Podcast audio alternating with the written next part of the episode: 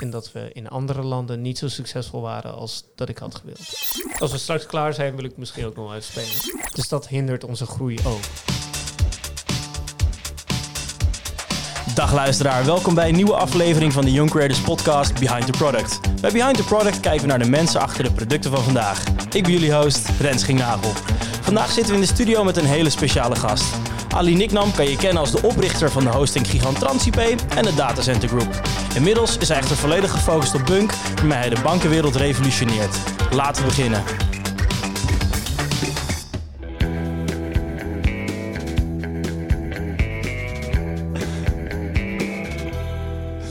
Welkom Ali. Ja, leuk. Leuk dat jullie hier zijn. Ik zit met veel ontzag naar de apparatuur te kijken ook. Ik, vind, ik ben natuurlijk een techie, dus ik vind het meteen magisch. Al die knoppen en kleurtjes en dingetjes.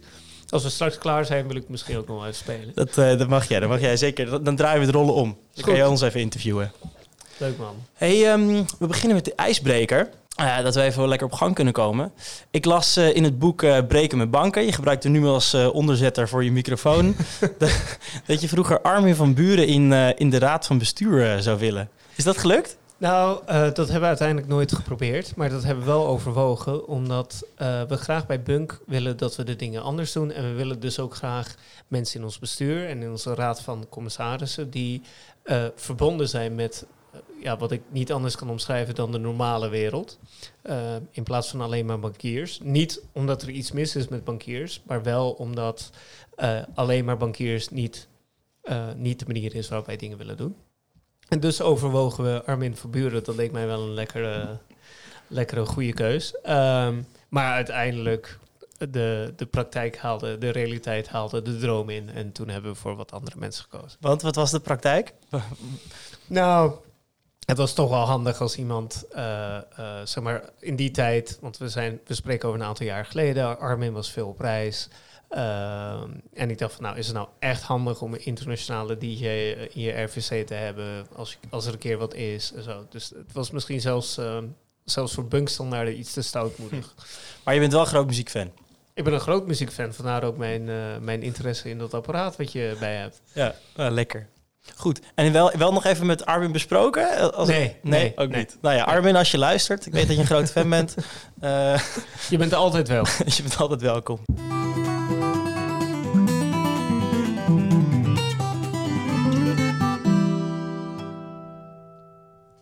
Ja, wat, uh, wat vind jij het leukste aan je baan als CEO bij Bunk? Nou, vandaag vind ik dit, uh, dit gebeuren, tenminste gebeuren, dit, de, deze ervaring heel leuk. Um, want jullie zijn alle drie heel enthousiast. We zitten hier namelijk met z'n vieren. En um, super enthousiaste jonge mensen met, die met heel veel energie naar mij kijken.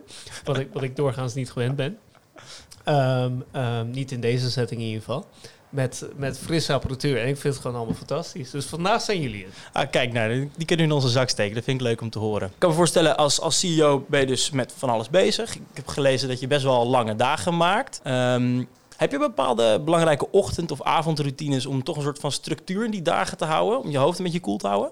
Zeker. Ik heb een paar dingen die, uh, die ik graag doe. Dus uh, ik begin de dag bijna altijd met dingen die ik niet leuk vind om te doen. Want dan heb ik ze gedaan. Want de dingen die ik leuk vind om te doen, die doe ik toch wel. Um, en ik zorg dat ik altijd naar bed ga als mijn to-do-lijst leeg is. Um, ik heb er niet zo'n zin in om wel naar bed te gaan, maar nog dingen te moeten doen. Dan ga je weer liggen malen en zo. Dus dat werkt niet voor mij. Ik werk liever een uurtje langer door, dat het klaar is, dan dat ik het uh, meeneem. Um, en daarnaast vind ik het heerlijk om twee keer per week te zwemmen. En een wandeling op zijn tijd, een goede wandeling, dat helpt ook om mijn gedachten te ordenen. Dus dat zijn een beetje de dingen die ik doe. En voor de rest, ja, ik, uh, ik knal gewoon overal doorheen. En, en wat voor tijden zijn dat over het algemeen? Wanneer is die to-do-lijst nou, over het algemeen afgerond? Dat, dat schommelt heel erg, want uh, er wordt mij heel vaak gevraagd over heel hard werken. En dat heb ik ook heel lang gedaan. Maar het is niet een doel op zich. Dus als ik klaar ben, ben ik gewoon klaar. Uh, bijvoorbeeld gisteren was ik redelijk op tijd klaar. Dat was gewoon zeven uur s avonds. Nou, dat vind ik niet heel laat.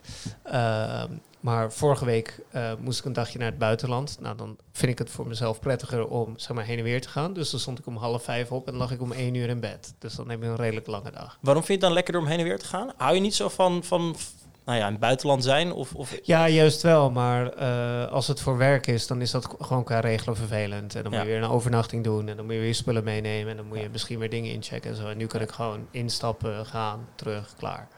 Maar als ik dus zo hoor, zijn je, jouw dagen zijn ietsje gebalanceerder geworden dan dat ze misschien vroeger waren. Ehm, er is veel te doen om, om balans en om, uh, om hoe je met je werk omgaat. Ik denk dat het zo is dat voor mij werk niet als werk aanvoelt. Er zijn natuurlijk dingen die ik niet zo leuk vind om te doen. Nou, dat is redelijk beperkt, want dat doe ik dus in de ochtend. Dat duurt een uurtje of zo, misschien anderhalf als ik pech heb. En dan ben ik wel gewoon klaar. En dan doe ik dus eigenlijk de rest van de dag alleen maar dingen die ik leuk vind. Dus ja, of, of ik nou om zeven uur klaar ben met spelen of om tien uur klaar ben met spelen, dat maakt me niet zoveel uit. Ah, dat, is wel, uh, dat is wel ideaal. Het is wel echt mooi als je iets kan vinden wat je, wat je zo gaaf vindt, die iedere dag op die manier uh, in zit. Ik kan ook iedereen aanraden om dat te doen. Want een van mijn stelregels is dat als werk echt aanvoelt als werk. Nou hebben we natuurlijk allemaal een dag dat je gewoon dingen moet doen die je moet doen. Maar als werk te lang aanvoelt als werk, als dingen die echt weet je wel, ik doe het alleen maar zodat ik over 50 jaar met pensioen kan gaan. Ja, dan moet je misschien wat anders gaan zoeken. Wat geeft jou er zoveel energie aan? Ik vind creëren mooi. Producten creëren waar mensen van houden. Producten uh, waar mensen blij van worden. Um, ik bedoel, toen Bunk begon, gebeurde er geen fluit in de financiële sector, behalve de crisis. En er was natuurlijk nauwelijks innovatie en weet je, alles was er wel.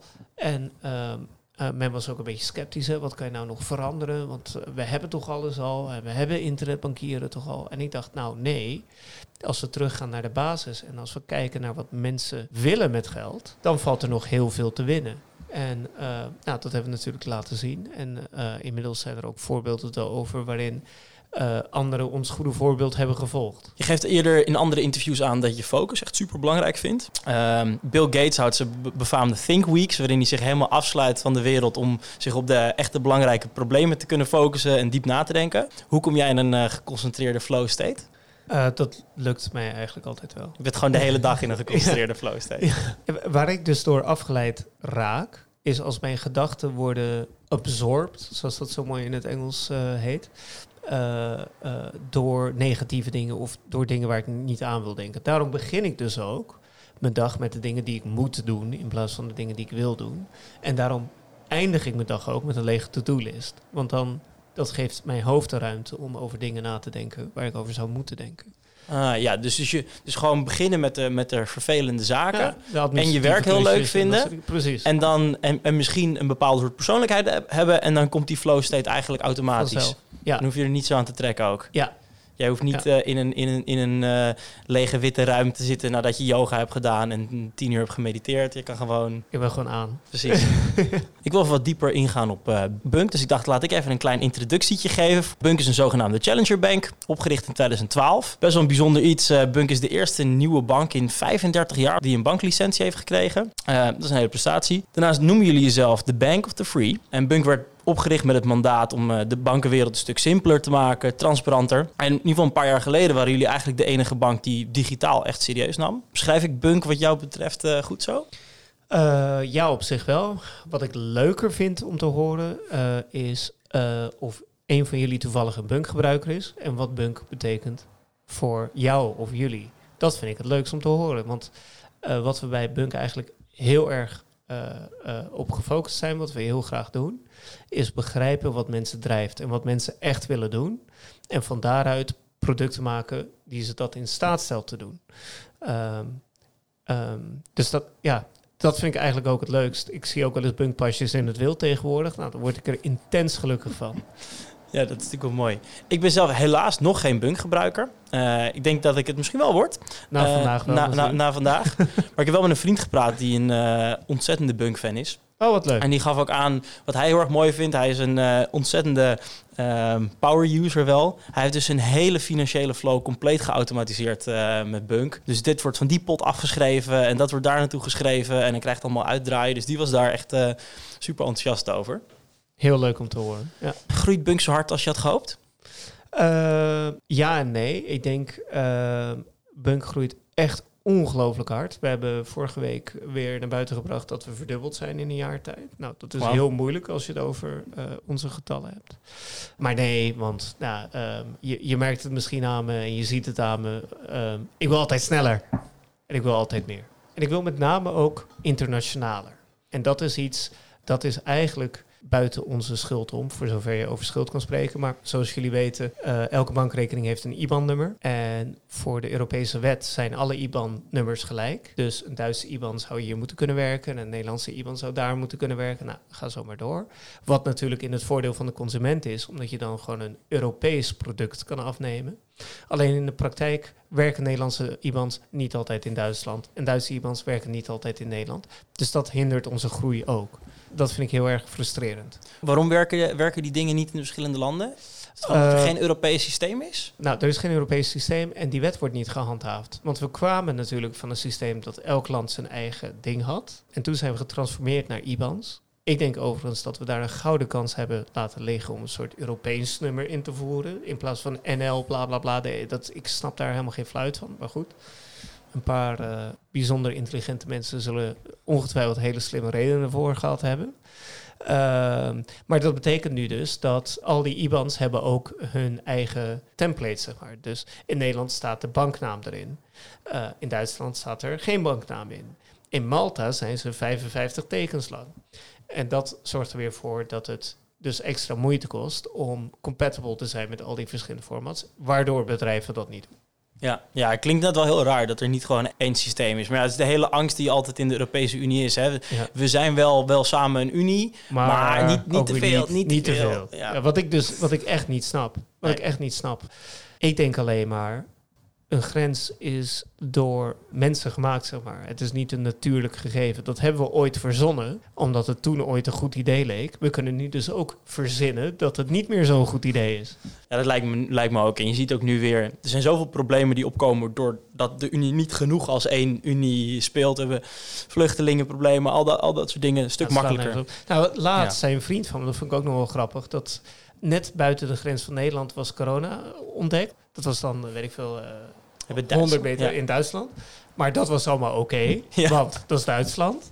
En toen, ja, door een wonder, je zou het niet verwachten, maar bewogen de 100 meter op, toen was het in Nederland. En toen brak de pleuris uit. En ik denk alleen maar, is anybody else seeing this stuff? I don't know, man. It's kind of weird. Ja, veel mensen denken toch een beetje kleinschalig. ja, kleinschalig en korte termijn denken. Uh, een van de belangrijkste eigenschappen van Bunk is het vernieuwende karakter. Zo pioneerden jullie de, be de betaalverzoekenfunctie, ja. die nu bij veel mensen als Tikkie bekend staat. Ja. Ook patenteerden jullie een systeem waarbij je met één pas, met behulp van meerdere pincodes, met verschillende rekeningen kan betalen. Ja. Dat is gewoon echt vernieuwend. Ja. Ik noemde Tikkie al even, dat is echt inmiddels een, een begrip. Uh, ik denk dat het misschien wel bekender is dan de betaalverzoeken van Bunk. Vind je het vervelend dat grote banken jullie functies overnemen? Nou, dat is natuurlijk een ja-nee vraag. Vind ja. ik het vervelend? Nou, commercieel vind ik het vervelend. Maar eigenlijk ben ik als ondernemer meer een creator. Ik vind het mooi om dingen te scheppen. En eigenlijk vind ik het alleen maar grappig en een soort ultieme eer als die grote jongens erkennen dat ze niet zo goed weten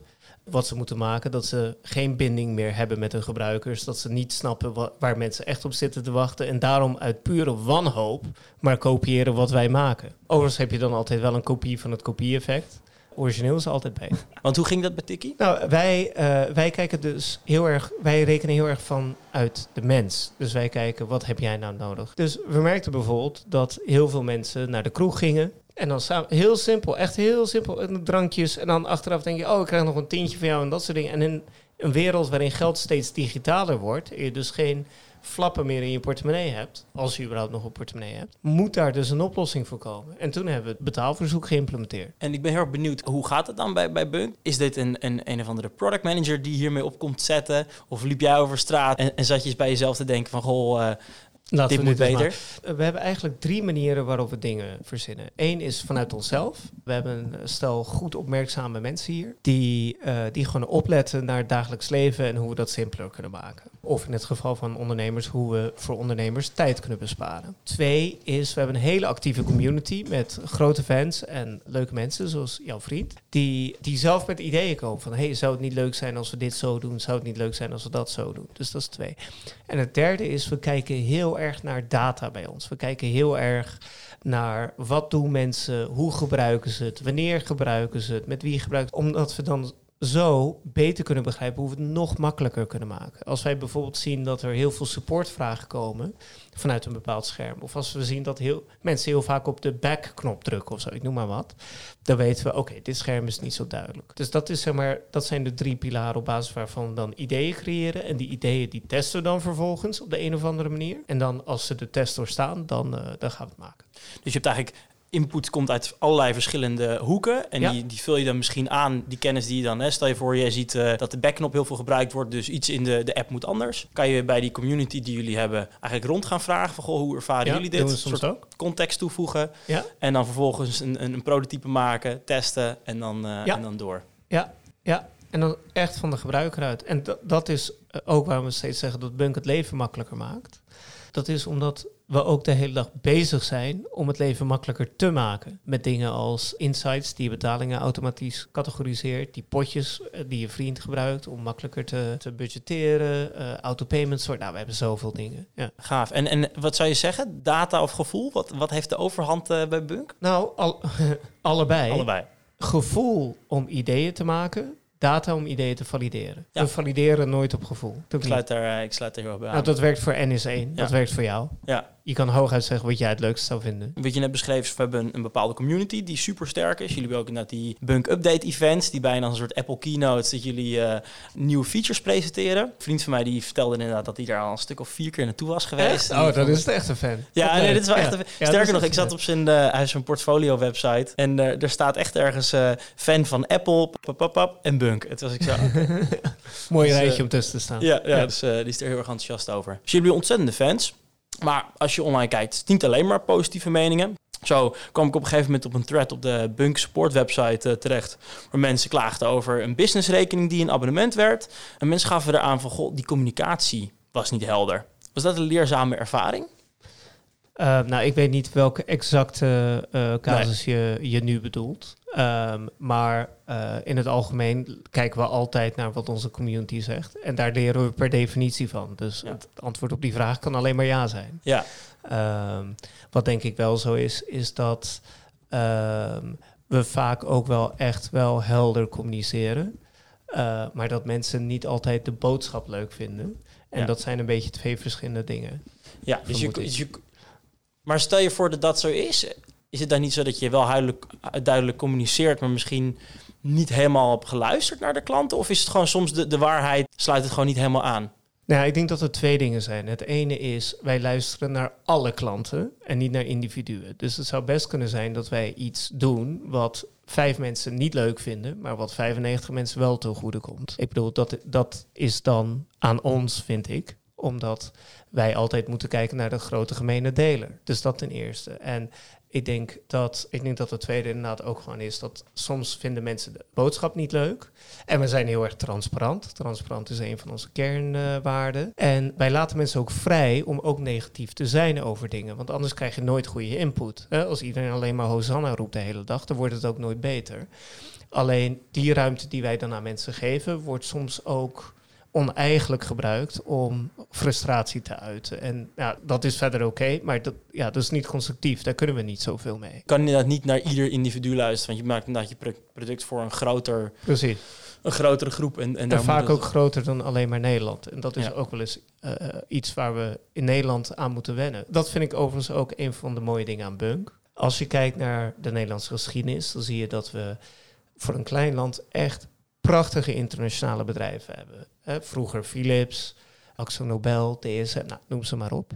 Maar dan ga je naar de lijst kijken en dan valt het op dat er afgelopen 25 jaar niks meer is bijgekomen. Nee, het is alleen maar hebt de Philips die als een baby met een scheermes eh, zichzelf Precies. ieder jaar een stukje kleiner snijdt. Kleine, ja, precies. Ik bedoel, ja, ik, ik heb dus thuis nog een radio van 100 jaar geleden van mijn opa, van Philips. Philips stond vroeger ergens voor. En wat ik met Bunk probeer is Nederland ook weer internationaal op de kaart te zetten. Dat we weer leren denken dat als corona 100 meter van de grens in Duitsland afspeelt, dat, ja, dat dat Nederland ook aangaat. En dat als wij een product maken, dat we ook moeten nadenken over onze Duitse buren en Franse buren en Belgische buren en Britse buren. Dat we weer moeten durven de wereld in te gaan. Want we kunnen het wel in Ja. Nederland. Dat hebben, en dat is zo zonde dat we zoveel talent hebben hier, maar heel erg naar binnen gekeerd zijn geweest de afgelopen jaren. Wat doe jij hè, los van Bunk oprichten om, om dat iets meer te kickstarten? Zou Nou, je ik daarmee denk- meer ik- mee willen ik doen? dat kan ik- je dat op een of andere Ik manier? denk dat ik met Bunk oprichten al redelijk, eh, redelijk mijn steentje bijdraag. En ik hoop dat de luisteraars na dit gesprek misschien ook hierdoor eh, aangezet worden om ook iets bij te dragen. groot durven denken. Precies. Ik bedoel, we zijn allemaal Nederlands. En Nederland is groot geworden door internationale handel. Door naar de hele wereld te kijken. Laten we dat weer doen. Laten we weer mooie dingen maken voor iedereen. Eerder ge- geef je aan van goh, af en toe heb je frictie doordat je iets niet alleen maar maakt voor Nederland, maar, maar je maakt een product wat in Duitsland ook gebruikt wordt. Ja. Kan je een voorbeeld geven van, van zo'n puntje wat daar frictie opleverde? Was er een bepaalde feature die, die in Nederland niet eh, aansloeg, maar wel in Duitsland? Of, Nou, een van de dingen die wij continu doen is de app versimpelen. Soms halen we daar dus dingen weg die in Nederland door met name vaak een kleine maar hele actieve groep heel veel gebruikt worden, maar door de grote gemene deler eigenlijk niet. En dan halen we het gewoon weg, want mensen snappen het anders niet. En dat, dat leidt wel eens tot frustratie en dat snap ik ook. Ja, ik denk over een lange periode, dat zien we natuurlijk ook, dat heel veel dingen die wij aanpassen, soms na enige aanpassingstijd, dat mensen, ook vaak de mensen die in eerste instantie misschien kritisch waren, er dan nog eens een keer naar kijken en denken, nou oké, het, het slaat toch wel ergens op. En dat, dat duidelijk is geworden dat onze beweegredenen zijn natuurlijk ook de gebruiker. We zijn er om de wereld simpeler te maken voor jou als gebruiker. Dus alles wat wij doen, we gaan hier niet nachtenlang doorwerken om het moeilijker te maken voor jou als gebruiker. nou ja, soms weet de gebruiker nog niet helemaal. Dat, dat klinkt dan een beetje. Ja, ik weet niet hoe ik dat moet noemen, maar dat klinkt een beetje moeilijk. Maar soms hebben gebruikers weten nog helemaal niet zo goed wat ze echt willen. Ja. Ik denk aan Apple die, die allerlei poorten en, en een floppy drive weghaalt. En, en dat dat uiteindelijk een positief gevolg heeft. Ja.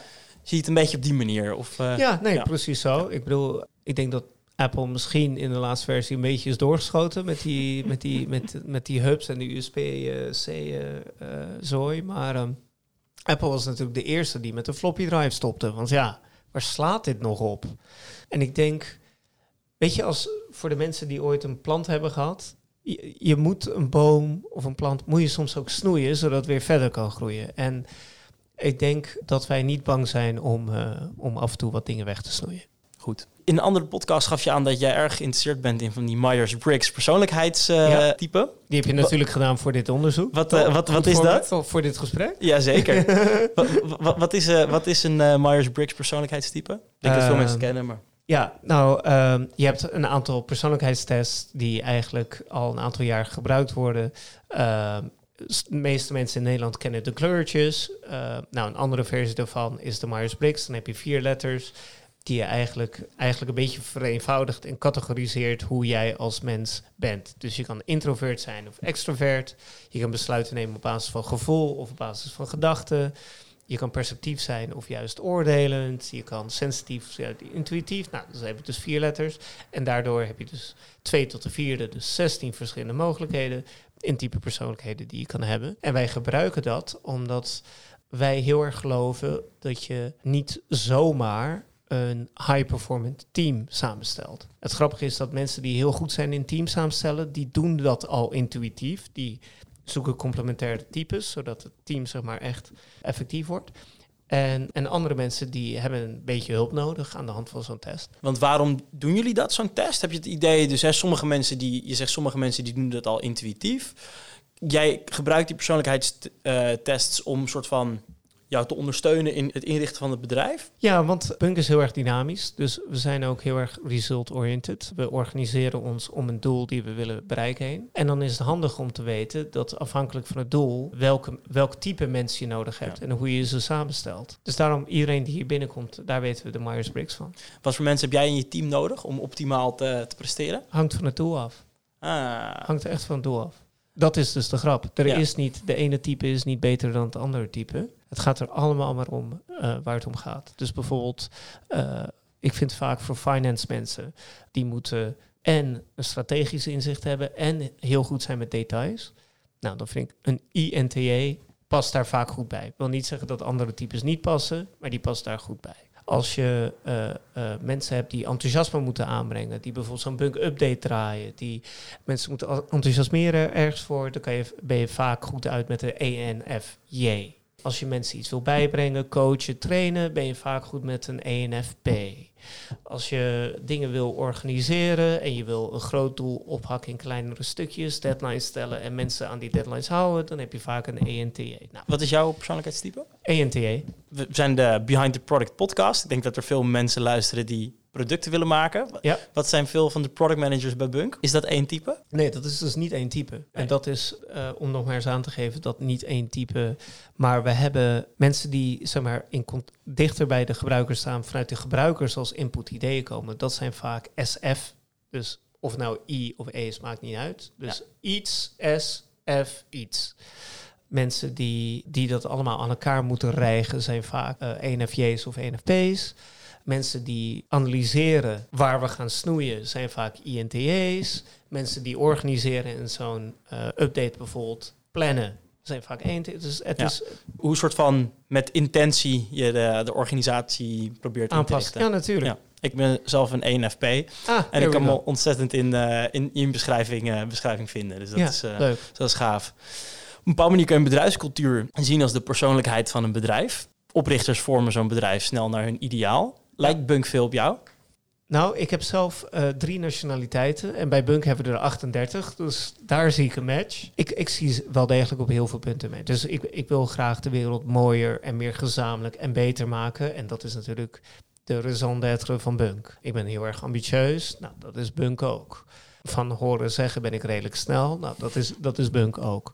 Dus ja, maar het is niet zo dat het het één op één overlap met mij. Ik vergelijk het wel eens met kinderen. Je herkent jezelf er een beetje in, maar het is ook zijn eigen entiteit. Het is zijn eigen ding. En het ontwikkelt zich ook op uh, zijn of haar eigen manier. Hoe heeft Bunk zich ontwikkeld? Is de cultuur veranderd? Hè? Ik, Zeker. ik weet niet hoeveel medewerkers Bunk nu heeft, maar het zullen er iets meer dan 100 zijn, denk het ik. Het zijn er nu 140 in Nederland. Ja. 20 nog wat in Bulgarije en uh, ook nog 20 nog wat in uh, Griekenland. En ik kan me voorstellen dat dat anders is dan toen, toen je met 20 man was. Hè? Want dan krijg je totaal andere structuren die je nodig hebt om informatie te verspreiden.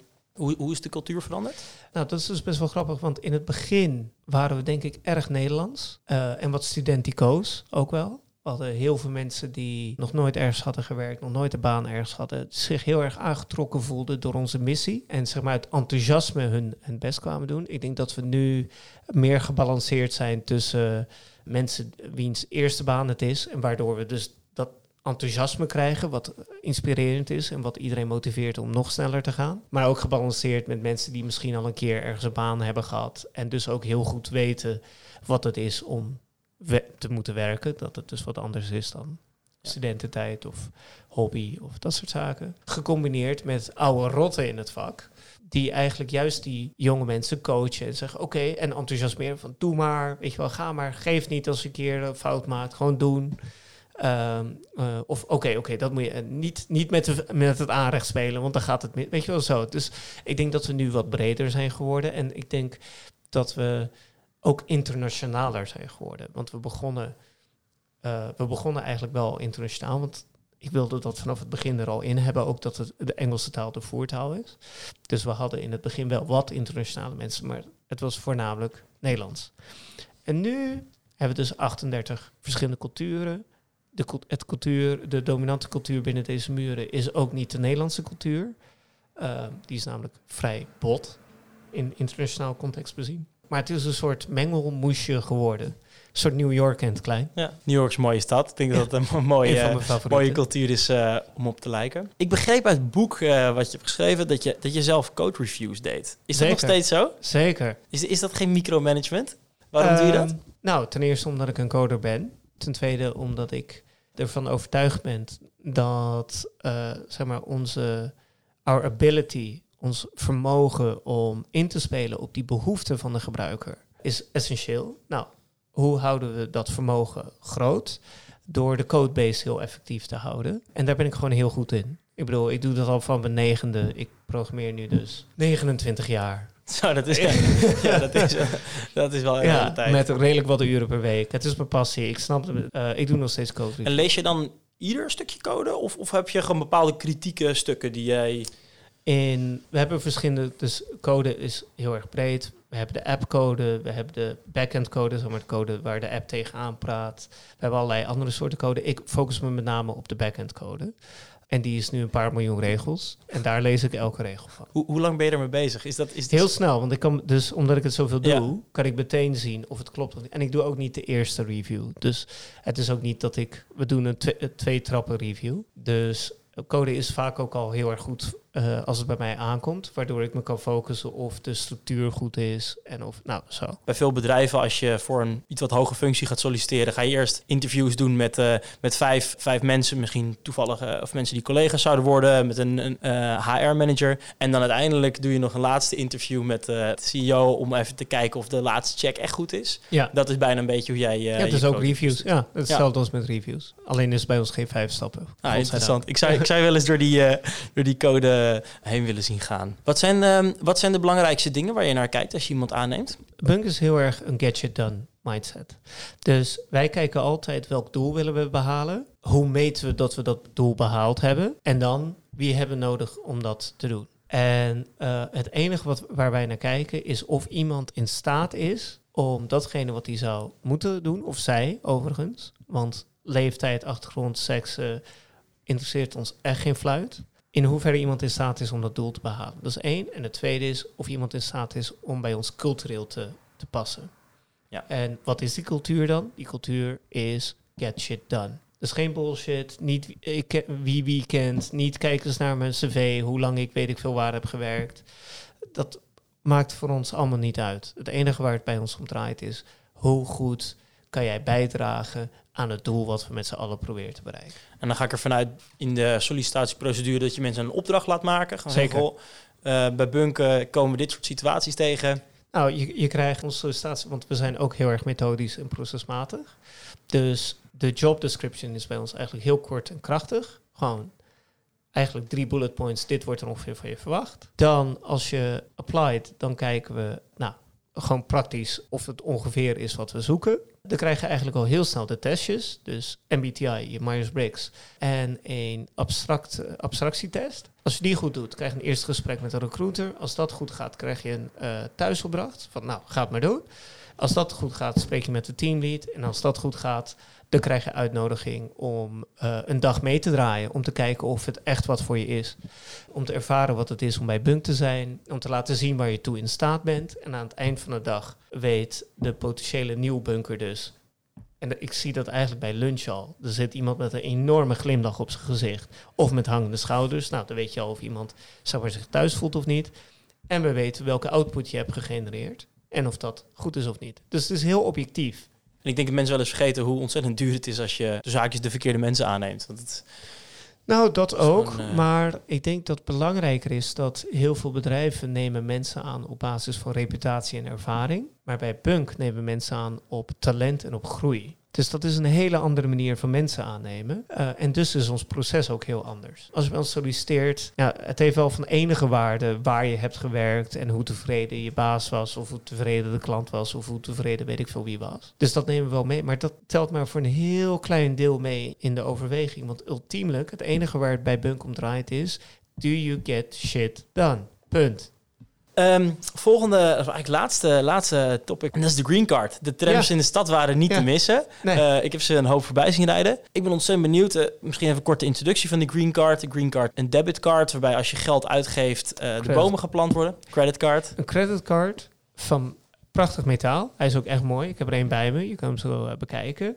En het leuke aan de green card is dat je niet, een hele mooie, niet alleen een hele mooie metalen kaart krijgt, maar dat die metalen kaart ook hele mooie dingen doet voor de wereld. Dus elke 100 euro die je ermee uitgeeft, de 100 euro die je toch al zou uitgeven aan boodschappen of aan eh, tickets of aan gaming of aan Netflix of weet ik veel waar mensen geld aan uitgeven. Voor elke 100 euro planten wij een boom. Waar ik heel erg benieuwd naar ben. Het is best wel een groot product wat je dan lanceert. Een gigantische campagne. Hoe werkt het besluitvormingsproces om, om tot zo'n groot product te komen?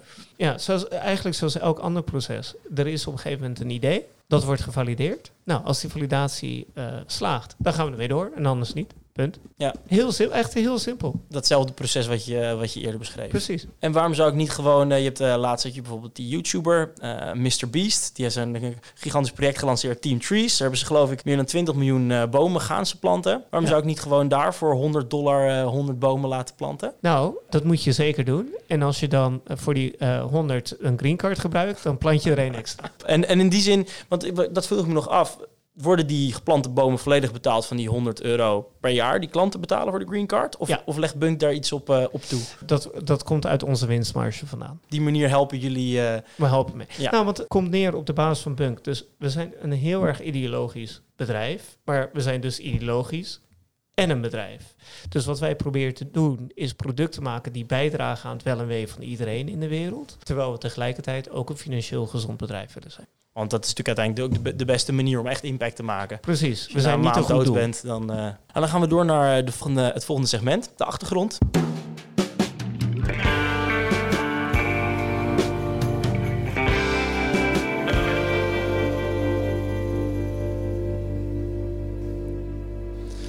Ja, ik heb even wat, eh, wat, eh, wat research gedaan. Eh, je bent in 1981 geboren in Canada met Iraanse ouders die topsporters waren.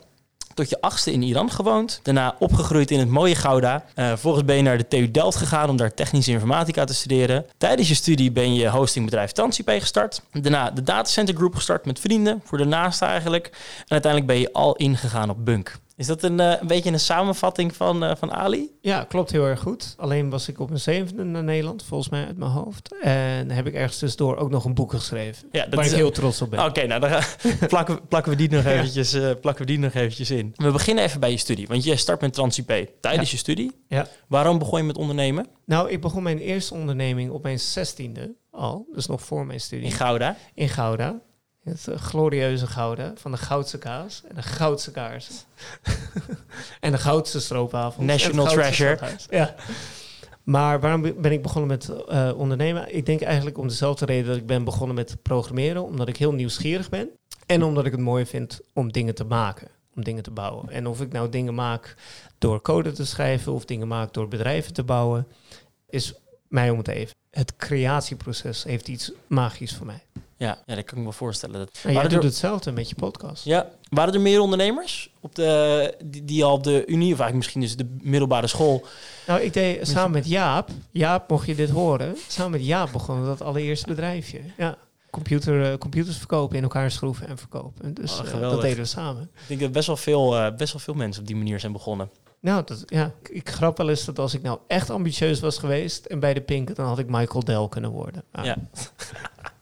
nou, misschien had je ook wel iets aan een eh, community als Young Creators gehad. Oh, leuke, events. Na je studie, eh, want je bent dus Trans-IP begonnen. En je bent wel in Nederland gebleven. Dat vond ik wel bijzonder. Ik, ik heb veel, veel ondernemers gesproken. Die zijn na de studie of, of al tijdens de studie gewoon naar het buitenland gegaan. Amerika lijkt in ieder geval altijd toch een stuk meer mogelijk. Ja, Maar jij bent gewoon wel in Nederland gebleven. Waarom? ja, dat is een hele goede vraag. Je weet het gewoon eigenlijk. Het is gewoon Nee, meer een nou, ik, vind, ik vind Nederland een heel fijn land. Ik ben eigenlijk best wel optimistisch. Dus ik kijk naar, eh, naar de mensen om me heen. Ik kijk naar dit land. En ik denk alleen maar, we zouden zoveel kunnen doen. Het is zo'n fantastisch volk. We hebben zulke goede infrastructuur. We hebben goed onderwijs. We hebben goede mensen. We zouden zoveel kunnen doen. Voor, ik zie het als een soort onontgonnen terrein. Als een soort bron waar nog niemand gebruik van maakt. Maar ja, tegelijkertijd moet ik ook zeggen... sommige dingen zijn in Amerika wel makkelijker. Ja, geld ophalen. Ja, maar geld ophalen is niet eens zo belangrijk. Het is een grotere markt. De mindset en de attitude is anders. De vraag die jij net stelde, goh, ik hoor dat je wel heel hard werkt. Weet je wel, dat is toch een Nederlands dingetje. Daar wordt er veel meer gekeken. Zo, je bent succesvol. Wat ga je nog meer doen? We gaan, weet je wel, dus de mindset is daar anders. Dat herken ik ook. Ik heb ooit een eh, tijdje in Silicon Valley go. stage gelopen en, en het is echt heel anders. Zou je ooit overwegen om de politiek in te gaan? Je bent eh, een, een enthousiast verhaal aan het houden over hoe, hoe mooi Nederland is. Ik denk politiek is voor politici en ik ben een ondernemer. Dus ik doe graag mijn steentje bijdragen via mijn ondernemingen en via misschien ooit nog eens een keer een boek. TransIP groeide ontzettend hard. Ik weet niet, ben- je gestopt met je studie door TransIP? Of, of was de studie gewoon eigenlijk Nee, al, ik ben eh, juist eh, tijdens, tijdens mijn studie transfer begonnen en toen ook weer herbegonnen. Want ik heb ook een tijdje gewoon gewerkt bij iemand anders. En toen dacht ik, oké, nou, ik heb geleerd wat ik moest leren. Ik vind het heel erg leuk om weer iets voor mezelf te doen. En ik vind het ook leuk om weer te gaan studeren. En toen ben ik eigenlijk transfer begonnen en mijn studie opnieuw aangezwengeld. Dat doen allebei tegelijkertijd. Ja. En vervolgens is TransIP in een soort uh, sneltreinvaart gegroeid tot... Nou, inmiddels ge gefuseerd met jullie grote Belgische concurrent, Combel. Ja. Tot nu de, de grootste hoster van Europa. I, mm, weet ik niet. De derde grootste in de wereld. Ja, je hebt GoDaddy, uh, One on One en dan heb je Teamblue, zoals wow. het nu heet. Waarom, uh, waarom ben je voor die, voor die fusie gegaan? Omdat ik altijd denk aan wat is nou het beste voor onze gebruikers in de algemene zin. Wat is het beste voor mijn mensen? Wat is het beste voor het bedrijf? Wat ik uh, merkte bij TransIP is dat we echt fantastische producten maken. Veel beter dan de meeste van onze collega's. Maar dat we eigenlijk te Nederlands waren ook. En dat we in andere landen niet zo succesvol waren als dat ik had gewild. En ik dacht, nou, als we fuseren, dan nemen we het beste van beide. Want Combel zat in België, maar ook in een aantal andere landen. En TransIP heeft een aantal fantastische producten die de basis kunnen vormen voor al die klanten die we nu hebben. We hebben er inmiddels 2 miljoen. Als je alles bij elkaar optelt, kind of makes sense. En op een gegeven moment heb je een managing director aangesteld bij TransIP. Ja. Zodat je je kon focussen op Bunk? Of, of was dat niet eens de... Nee, het ging organischer. Bunk kwam pas nadat ik uh, iemand had aangesteld. Komt een beetje terug op uh, wat ik net zei over een bedrijf dat een kind is. Op een gegeven moment hadden we gewoon heel veel echt goed talent bij TransP. En ik had het idee van, nou oké, okay, uh, weet je, ik wil niet een soort eenzame koning op een troon blijven zitten en iedereen onder de duim houden. En ik dacht, ik stap opzij, want dan kunnen zij laten zien waar ze toe in staat zijn. En ze hebben het fantastisch gedaan. Ja. En daardoor kreeg ze tijd en ruimte. Toen ben ik een boek gaan schrijven en daarna ben ik Bunk begonnen. Ja.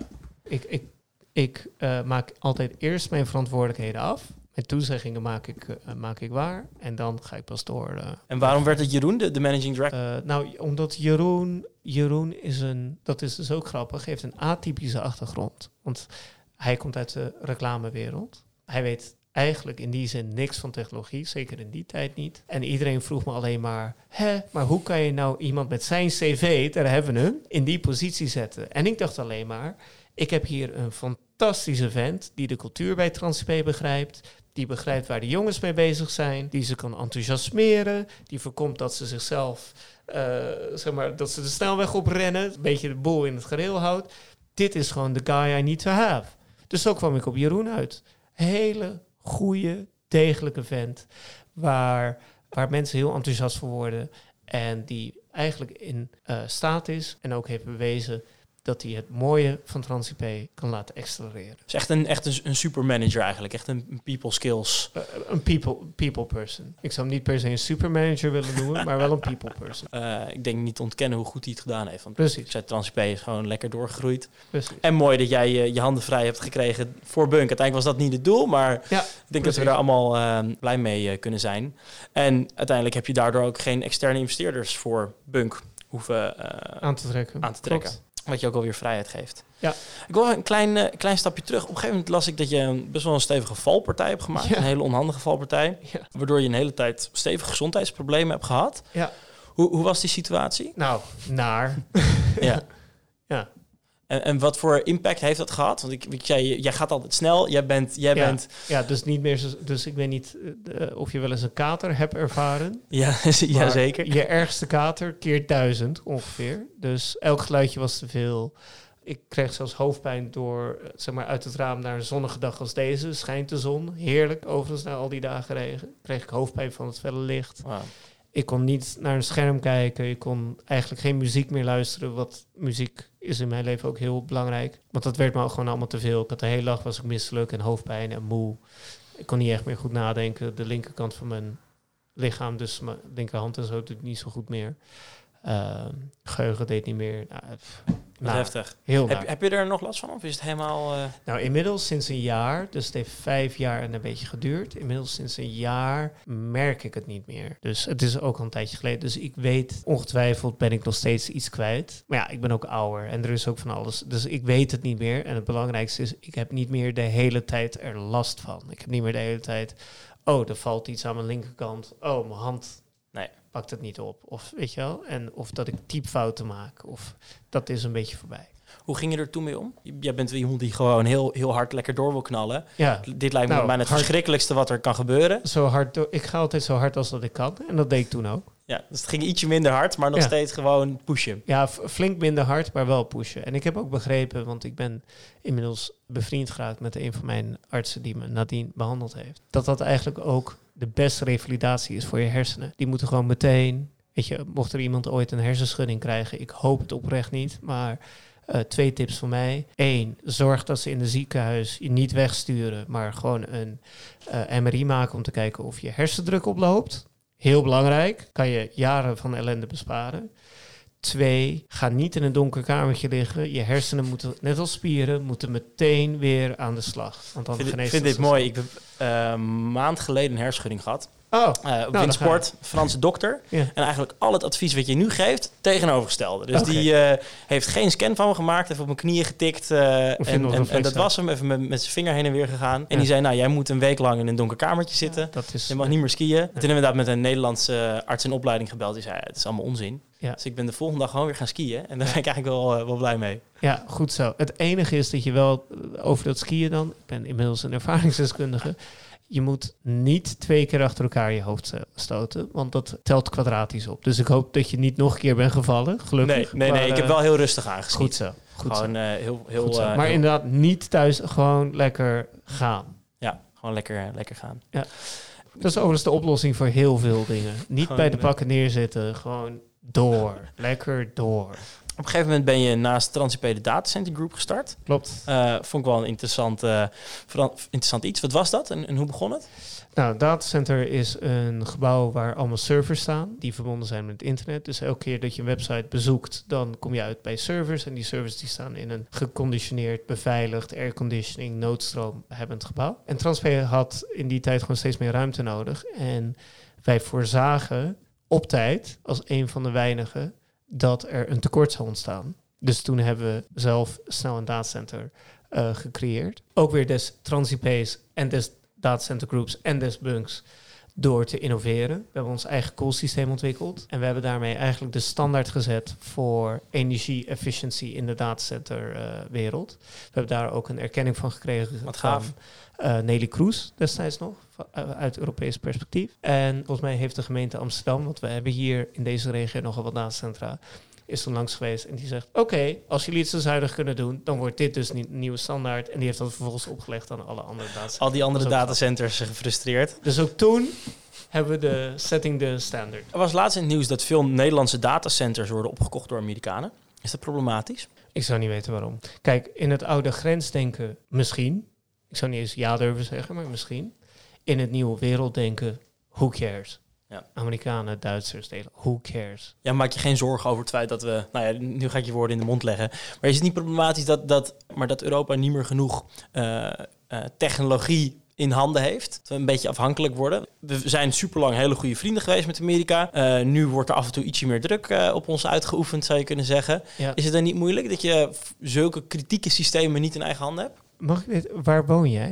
In welke stad? Amsterdam, Amsterdam. En waar heb je gestudeerd? aan de UvA. Ik studeer nog steeds. En studeert aan de UvA. Stel je had gestudeerd in Leiden. Zou je dan dezezelfde vraag stellen van... oh, is het wel verstandig dat we in Leiden een universiteit hebben... en dat Nee. onze studenten erheen gaan? Nee. Nee, toch? Nee. Want Leiden voelt gewoon hetzelfde voor jou als Amsterdam. Het is allemaal Nederland. Wie heeft ooit verzonnen dat we een soort onderscheid moeten maken tussen Europa en Amerika? Weet ik veel wat. Dus ik denk dat het gevaar is precies dit soort dingen je afvragen. Als je gaat zoeken naar verschillen, dan vind je verschillen. Als je gaat zoeken naar overeenkomsten, dan vind je overeenkomsten. En ik denk dat we met z'n allen wat meer tijd moeten besteden aan het vinden van overeenkomsten. Nou, vind ik een mooie, mooie, eh, mooie om mee, eh, mee af te sluiten.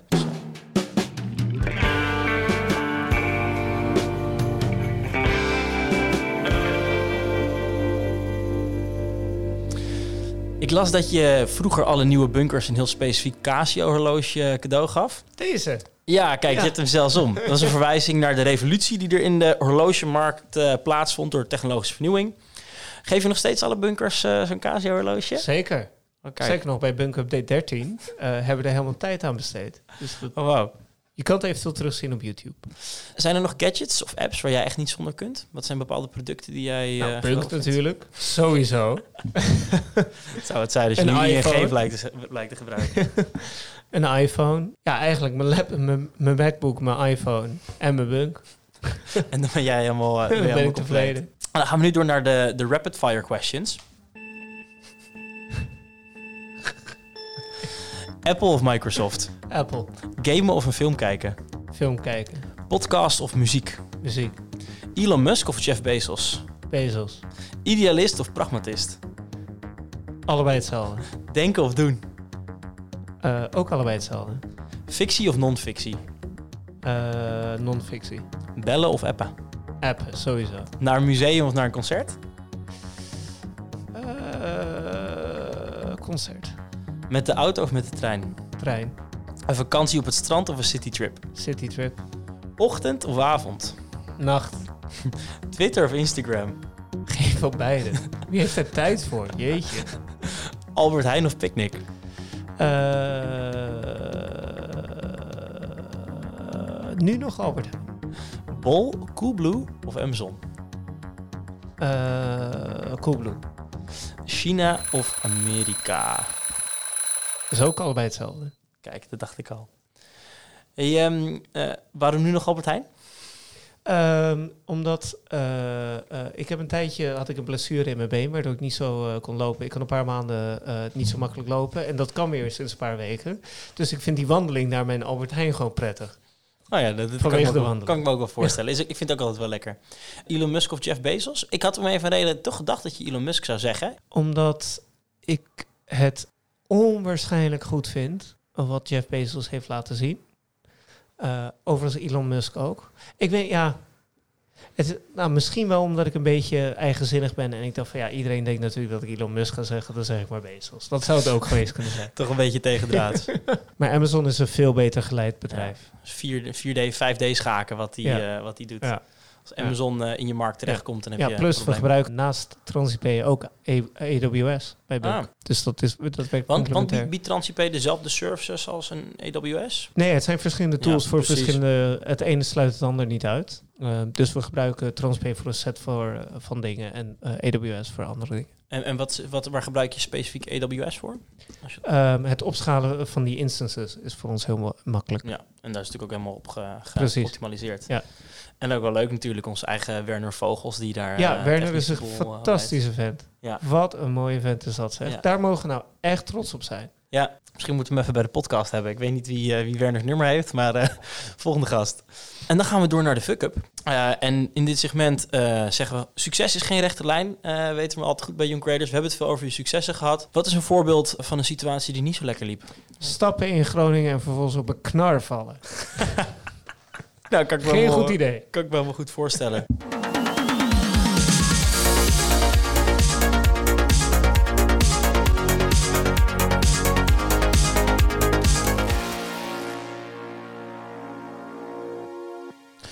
Concurrentie. Bunk ja. krijgt steeds meer concurrentie. Niet alleen van de Nederlandse banken, die eindelijk snappen hoe belangrijk digitaal is. Ja. Maar ook andere challenger banks zoals N26, Monzo, Revolut. Ik denk dat veel mensen wel kennen. Ja. Hoe gaan jullie die strijd aan? En ik ben eigenlijk vooral benieuwd naar de laatste groep bedrijven die ik noem.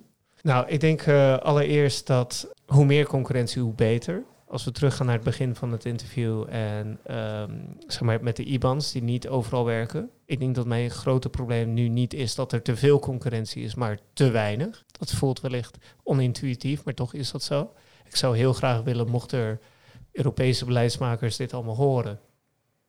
Um, alsjeblieft, doe er wat aan, want de consument leidt eronder. Producten zijn uh, niet zo goed als dat zouden kunnen zijn. De prijzen zijn te hoog en het, het slaat helemaal nergens op. Dus meer concurrentie, ja, graag. Nou, en hoe, uh, dan is het tweede deel van die vraag, hoe overwint, voor zover je het over overwinning kunnen hebben, Bunk in zo'n wereld dan de concurrentie? Nou, en dan denk ik eigenlijk twee dingen. Eén, het is geen zero-sum game, dus het wil niet zeggen dat als wij winnen, dat een ander verliest. En ten tweede, ik denk wat Bunk zo bijzonder maakt, is dat we zo goed zijn met wat onze gebruikers willen. En zolang die band eigenlijk goed blijft, zolang wij goed weten uh, hoe we mensen hun leven makkelijker kunnen maken, hoe we tijd kunnen besparen voor ondernemers, hoe we mooie dingen uh, kunnen doen voor de wereld, zoals met de Green Card, dan zitten we wel goed. Ja, ga echt goed luisteren.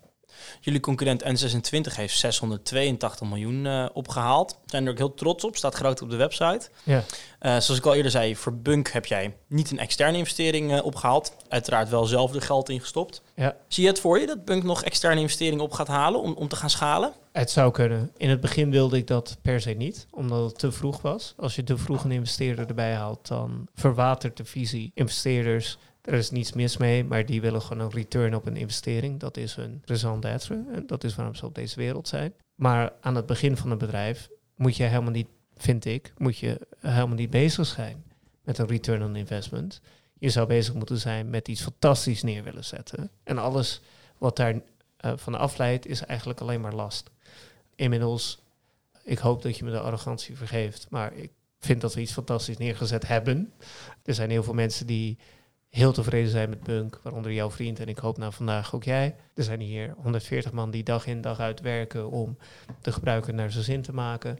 Eigenlijk staan die contouren er al en is Bunk volwassen genoeg om uh, te kunnen overwegen. Ik zeg niet dat het gebeurt, maar om te kunnen overwegen om een investeerder aan boord te halen, if it makes sense. Ja. En N26, die kan gewoon met die 682 miljoen heel veel mensen gaan aannemen, ontzettend veel nieuwe dingen bouwen. Maakt het niet per se goed. Hè? Meer is niet altijd beter, maar uh, ik kan me wel voorstellen dat dat ook zijn voordelen heeft. Maar we gaan het zien of uh, Bunk nog uh, investeringen op gaat halen. Er staat een hoop te gebeuren in de financiële wereld. Uh, denk aan PSD2. Wat, wat, wat, wat gaat het effect zijn van PSD2 op de bankenwereld? dat weet ik nog niet. Ik vind de bankensector is overgereguleerd en dat werkt eigenlijk niet. Dat weten we van alle andere sectoren. En PSD2 is gemaakt met de beste intenties, maar het is wel weer een zooi regels erbij. En ik denk dat het allemaal heel ineffectief is. Wat ik veel liever zou willen zien is dat we in de bankensector hetzelfde doen als in elke andere sector, de verzekeringen, mobiele telefoons. Namelijk dat je het mogelijk maakt voor mensen om makkelijk over te stappen en dan de markt zijn werk laat doen. Ja. Want we hebben nergens zoveel regulering. We hebben meer regulering in de bankensector dan in de medische, dan in de medische sector. Dat is toch geschift? Ja. En het enige wat je volgens mij moet hebben is: oké, ik ben niet tevreden over een ABN AMRO. Ik stap nu over naar Bunk. Of ik ben niet tevreden over ING. Ik stap nu over naar Bunk. Net als met je telefoon. Ergens je dingen invullen, klik, je bent er over. Klaar. En als we dat zouden invullen, dan weet ik vrij zeker dat niet alle, maar wel heel veel van de wet en regelgeving die met de beste intenties gemaakt zijn, dan overbodig zouden worden. Vind het leuk om, om interactie tussen de gasten uh, op, op gang te krijgen, te starten.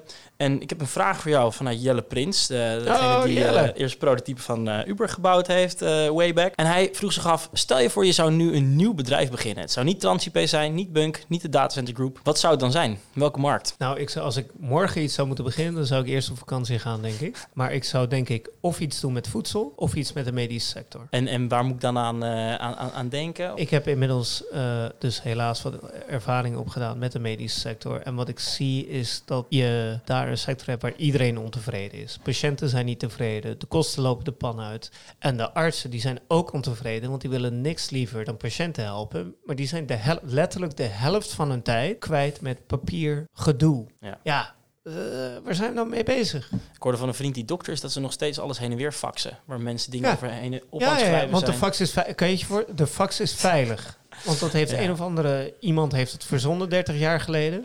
Dat bedoel ik dus met overregulering. 30 jaar geleden is dat ooit eens verzonnen. Dus Ja. is het zo. Dus doen we dat nu zo. Ja, het Ali Nicknam zieke, ziekenhuis. We gaan het, we gaan het nog zien. Wordt heel gebruiksvriendelijk. Ja, precies.